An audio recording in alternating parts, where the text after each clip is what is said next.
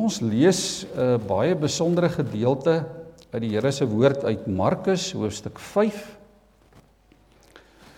Ons lees vers 21 tot by vers 36. Ehm um, eintlik loop hierdie verhaal tot aan die einde van van hoofstuk 5 van Markus tot daar by vers 43, maar ons lees vir 'n spesifieke rede ook net tot by vers 36.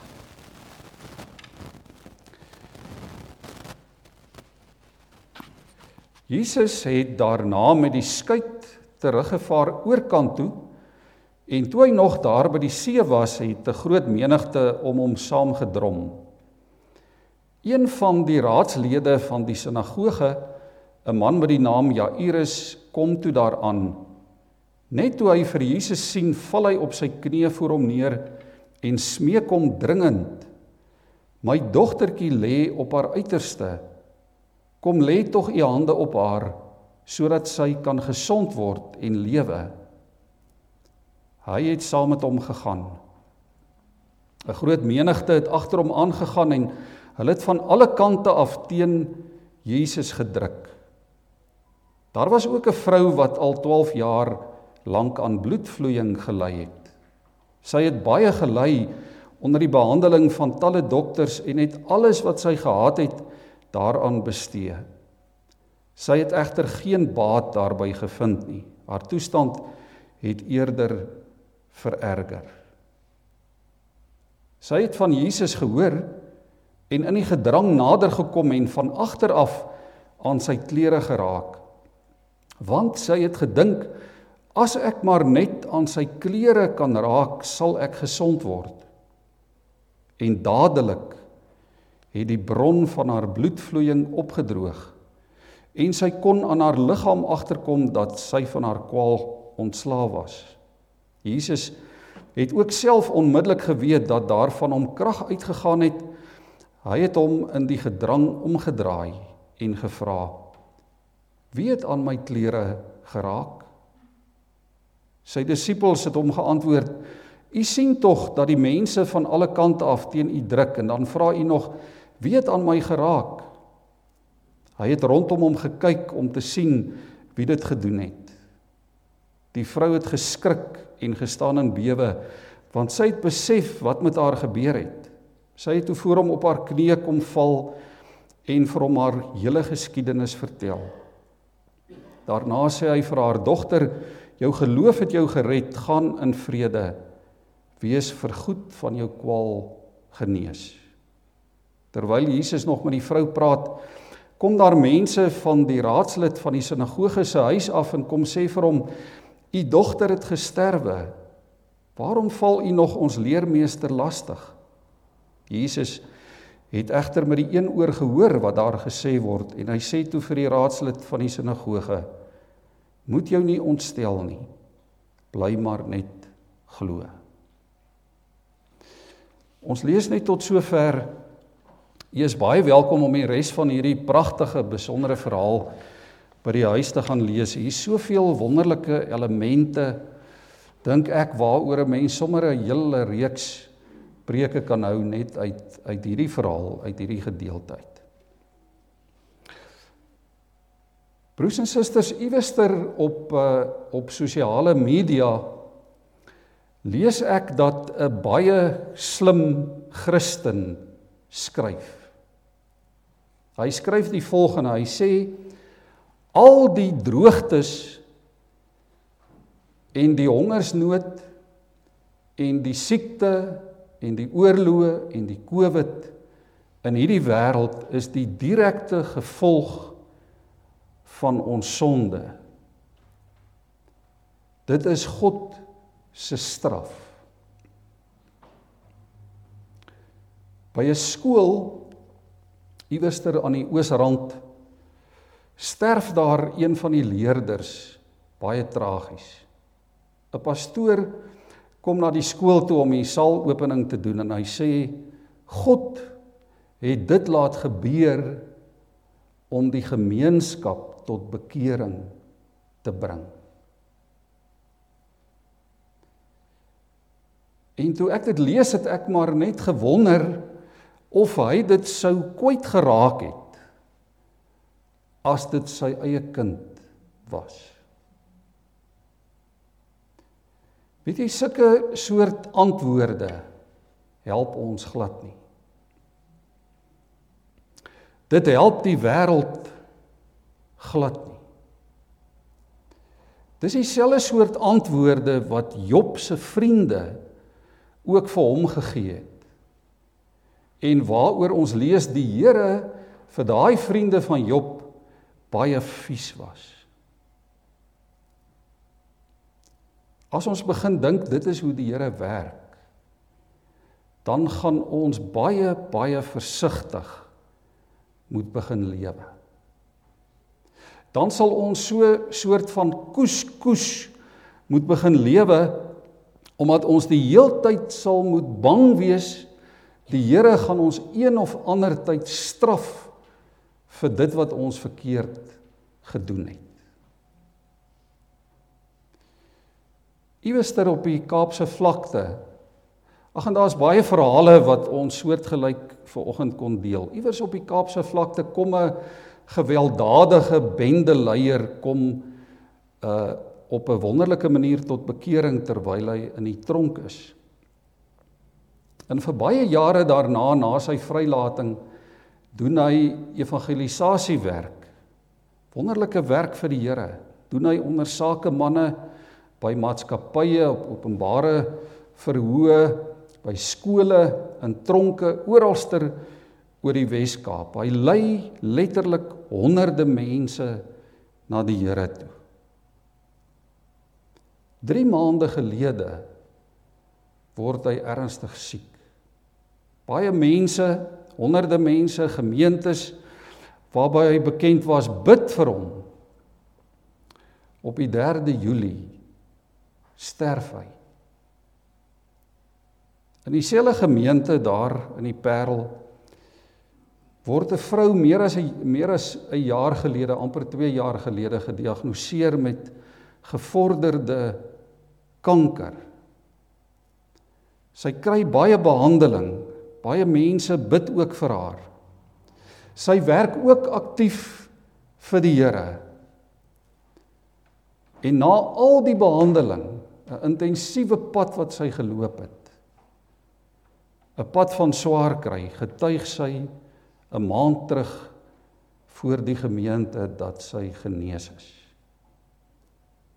Dat sy gesond is. Ek dink elkeen van ons het al iets daarvan beleef. Miskien het jy iets daarvan beleef. Julle as familie in die afgelope tyd ook. Mense situasies, dalk jou persoonlike omstandighede waarvoor jy bid ernstig en toegewyd bid en dinge verander. Daar kom genesing, daar kom herstel, daar kom uitkoms. In ander kere bid ons ook en niks gebeur soos wat ons dink dit moet nie. Hierdie pragtige teksgedeelte ek weet Ulrich het ook al oor hierdie gedeelte gepreek nie baie lank terug nie. Vertel van van twee mense wat die Here se pad kruis. Kom ons sê eerder so, daar's daar's 'n groot skare wat wat vir Jesus volg. 'n Groot skare mense drom rondom hom saam. Jesus het sopas teruggekom uit die gebied van die Geraseners waar hy groot wonderwerke gedoen het, waar hy duiwels uitgedryf het, mense genees het. En nou is hy terug in sy in sy bekende omgewing in Galilea en, en hierdie groot klomp mense volg hom ook maar omdat hulle gehoor het van wat Jesus in die land van die Geraseners gedoen het. En dan staan hierdie twee mense uit in hierdie pragtige verhaal vir 'n spesifieke rede ook. Daar's Jairus 'n lid van die sinagoge van die Joodse raad, 'n vooraanstaande persoon, 'n bekende man, 'n geëerde, gerespekteerd. En Jairus was was rein, godsdienstig was hy rein. Jairus was gereed om na die tempel toe te gaan om offers te gaan bring. En Jairus val op sy knieë voor Jesus neer. En hy smeek die Here, kom, maak my dogtertjie gesond sodat sy kan lewe. En dan is daar hierdie onbeduidende onrein vroutjie. Sy's letterlik naamloos. Ons hoor daarom Jairus se naam, maar hierdie vroutjie se naam hoor ons nie eers nie. En toe Jesus verbygaan so van agter af in hierdie skare, miskien so tussen 'n klomp mense deur, strek sy haar haar hand uit en sy raak met haar vingers aan Jesus se klere. En onmiddellik is sy gesond. Sy's rein. Albei val op hulle knieë voor die Here neer. Albei erken vir Jesus as God. Albei gee aan Jesus al die eer, al die respek wat hom toekom.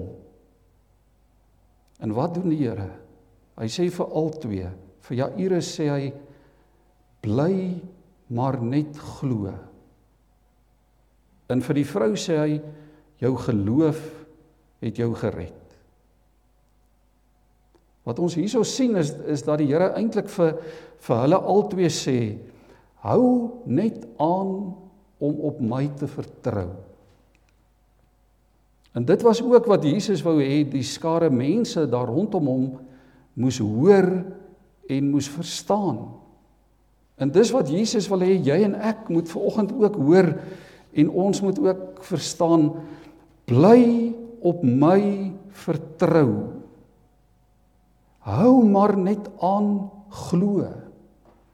As die lewe sy rug op jou draai, as die lewe sy moeilike donker hartseer onverstaanbare kant vir jou wys bly maar net glo ons hoor dit in in hierdie twee karakters ook nê wie se pad Jesus kruis dat God vir hulle sê in alle omstandighede bly maar net glo daar's 'n vrou Dalk het julle al van haar boeke gelees of of van haar optredes gesien. Daar's ook 'n uh, ook klein video opnametjies wat sy nog steeds op YouTube op uh, wat waarna mense nog steeds kan gaan kyk. Die vrou se naam is Joni Erickson Tada. Oor haar oor haar lewe is daar ook 'n rolprent gemaak en op 18 jarige ouderdom in 'n duik ongeluk word sy 'n 'n kwadropleeg. 'n verlamde. En na baie jare se worsteling ook met haar gebrek en onder andere met met depressie en ander en ander worstelings um raak die Here nog steeds haar lewe aan en sy begin skilder, sy begin geestelike boeke skryf en ook optree uh geestelike boodskappe gee. En vandag op 72 is sy nog steeds 'n baie gewilde en geliefde spreker en skrywer. En sy getuig op 'n baie nederige manier dink ek van haar geloof in die Here. En baie mense word nog steeds gereeld aangeraak deur haar boodskap van hoop en van vertroue. 'n Paar jaar gelede is sy ook gediagnoseer met met gevorderde kanker. En sy kry intensiewe behandeling daarvoor. So jare gelede, eintlik einde verlede jaar, doen sy COVID op met ernstige longkomplikasies. Vandag is sy genees ook van die COVID. En in een van haar boeke vertel sy dat een Sondagoggend na kerk keer 'n jong man haar voor in die kerk en hy begin om ernstig vir haar te bid dat die Here haar moet genees. En sy vertel dat die jong man was was hewig ontsteld toe sy na al sy gebede nie gesond word nie. En hy het haar beskuldig van ongeloof dat daar sonde in haar lewe was van onverskilligheid. Um en toe sy dit vriendelik ontken, toe hy net aangehou om haar te beskuldig en gesê maar jy's ongelowig, daar moet 'n rede wees. Daar moet iets wees in jou lewe wat veroorsaak dat jy nie gesond word nie. En toe hy so aanhou toe toe antwoord sy hom vriendelik op haar kenmerkende manier sy sê sy vir hom, weet jy, dit mag wees dat geloof die probleem is. Maar dan het dit dalk eerder met jou geloof te doen. En toe haal sy vir hom 'n gedeelte aan uit Lukas 5 vers 20 waar Jesus 'n 'n verlamde man ook genees het toe hy die geloof van die verlamde se vriende sien. Weet jy, ek dink ons kan vanoggend die boodskap baie baie wyd trek. Daar's baie voorbeelde waaraan ons kan dink, ook uit die woord van die Here. Broers en susters, stel die Here ons te leer in ons geloof.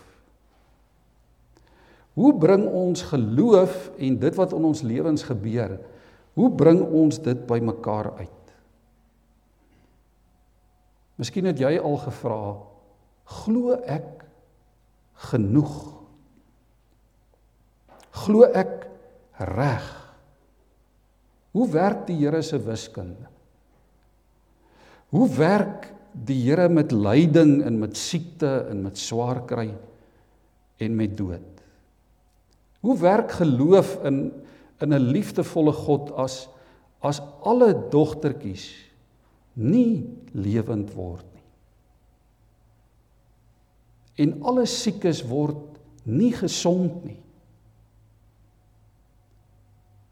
Is daar fout met jou as jy nie gesond word nie? Is jou geloof te klein?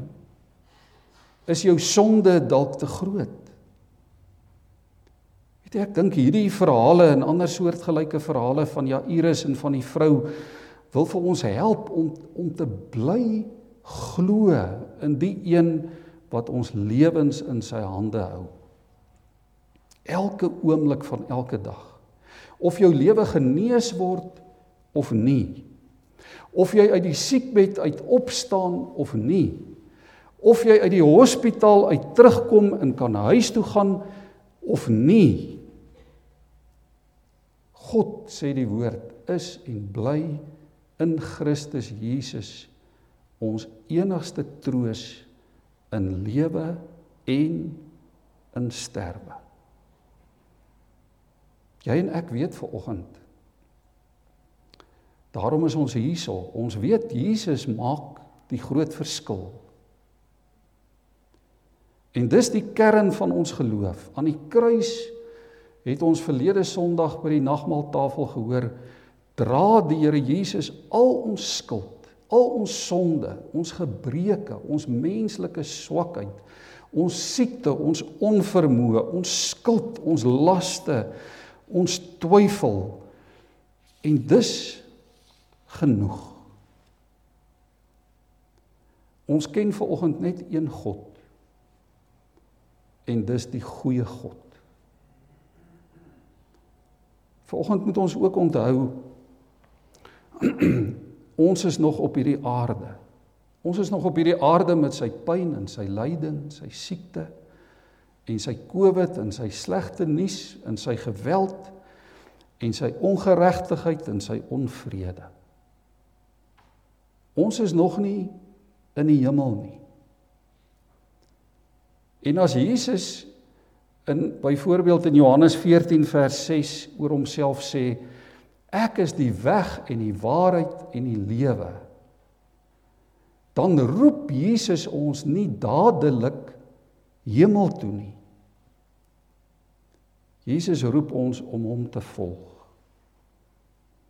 Hy roep ons om in hom te glo. Hy roep ons om op hom te vertrou. En op die pad agter Jesus aan is daar in hierdie wêreld nog steeds baie keer vraagtekens. Daarom roep Jesus aan die kruis: "My God, my God, waarom het U my verlaat?" Maar die nagmaalformulier het ook gesê sodat ons nooit van God verlaat sal word nie. Broers en susters, hoekom hoekom word sommige mense gesond en ander nie? Ek het dit al baie keer in my eie bediening gevra. Ek het dit eintlik al meer kere gevra as wat ek dit nie gevra het nie. Here, hoekom word ons nie almal gesond nie? Daar's daar's een rede. Sodat ons padtekens kan wees wat die hemel toe wys. Padtekens wat hemel toe wys. Padtekens wat wys dit wat ons vorentoe saam met die Here, saam met Jesus te wagte kan wees. Dat ons op pad is na die ewige heerlike koninkryk van God waarvan ons hierdie afgelope tyd ook so baie gehoor het. Die wat gesond word is daar om die siekes en die lydendes se geloof te help versterk. Al word hulle nie self gesond nie. Die wat hartseer is is daar om die ander se geloof te help versterk. Al het ons nie altyd die antwoorde Al kry ons nie altyd menslike troos nie. Om mekaar te bemoedig om aan te hou op die pad agter Jesus aan.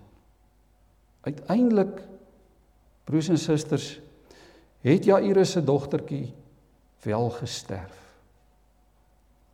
Uiteindelik. Uiteindelik sterf ons almal. En God se bedoeling met genesings is nie om sommige mense te beloon en om ander te straf nie. Maar God se bedoeling met genesings, ook met Jairus se se dogtertjie se opwekking en die genesing van die vrou wat aan bloedvloeiing geloei is, gelei het was om te sê hou moed.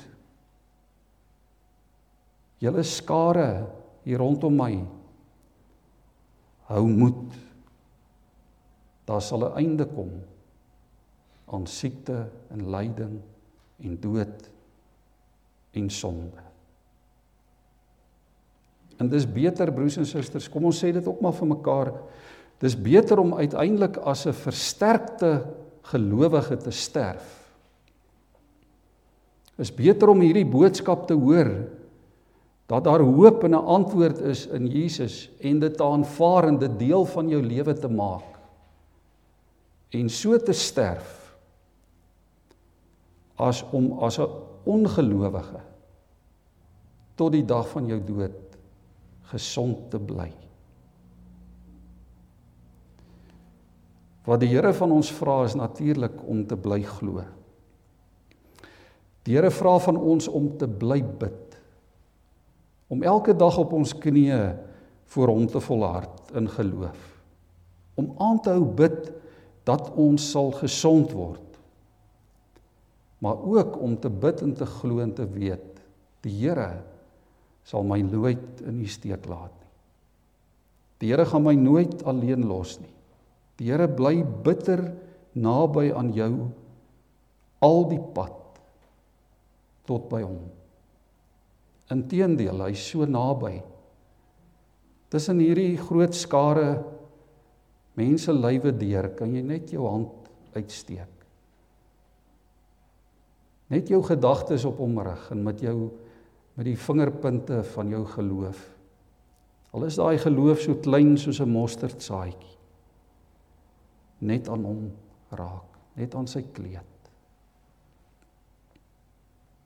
Dis dis wonderlik en interessant eintlik kan ons daaroor ook 'n preek maak, né, dat dat Jesus nie eers geweet het wie aan hom geraak het nie. Maar ons lees dat krag uit Jesus uitgegaan. Die oomblik toe daai onbekende onrein naamlose vroutkie aan hom raak.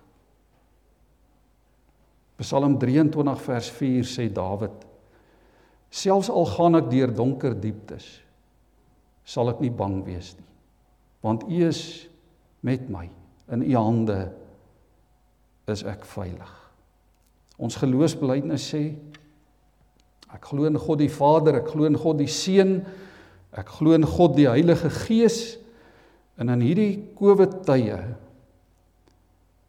in hierdie wêreld moet ons daaraan vashou. In hierdie tyd waar waar daar min dinge is wat seker is. Dit beteken God is en bly ons troos. Ons glo dit. God is en bly ons anker, ons toevlug, ons antwoord in lewe en in sterwe. As ek gesond word en as ek dalk nie gesond word nie. Ons word genooi vir oggend. Raak aan die Here. Maak maak jou hart vir die Here oop. Ryk uit na hom. Hou aan bid. Hou aan glo. Hou aan om in 'n verhouding met God te lewe. Om ook te soek na 'n lewende verhouding met die Here. So kry ons broers en susters ook emosionele en geestelike genesing. Jesus bly ons enigste hoop. Hou net aan glo. Hou net aan vertrou. Soos hy vir Jairus gesê het, bly net glo. En of jy vanmôre siek is, of jy hartseer is, of jy gebroke is, stikkend is, of jy ver oggend voel jy's blakend gesond, hou net aan om 'n padwyser te wees. 'n Padwyser wat wys na die hemel. En onthou die Here bly goed. Aan sy liefde is daar geen einde nie. Amen.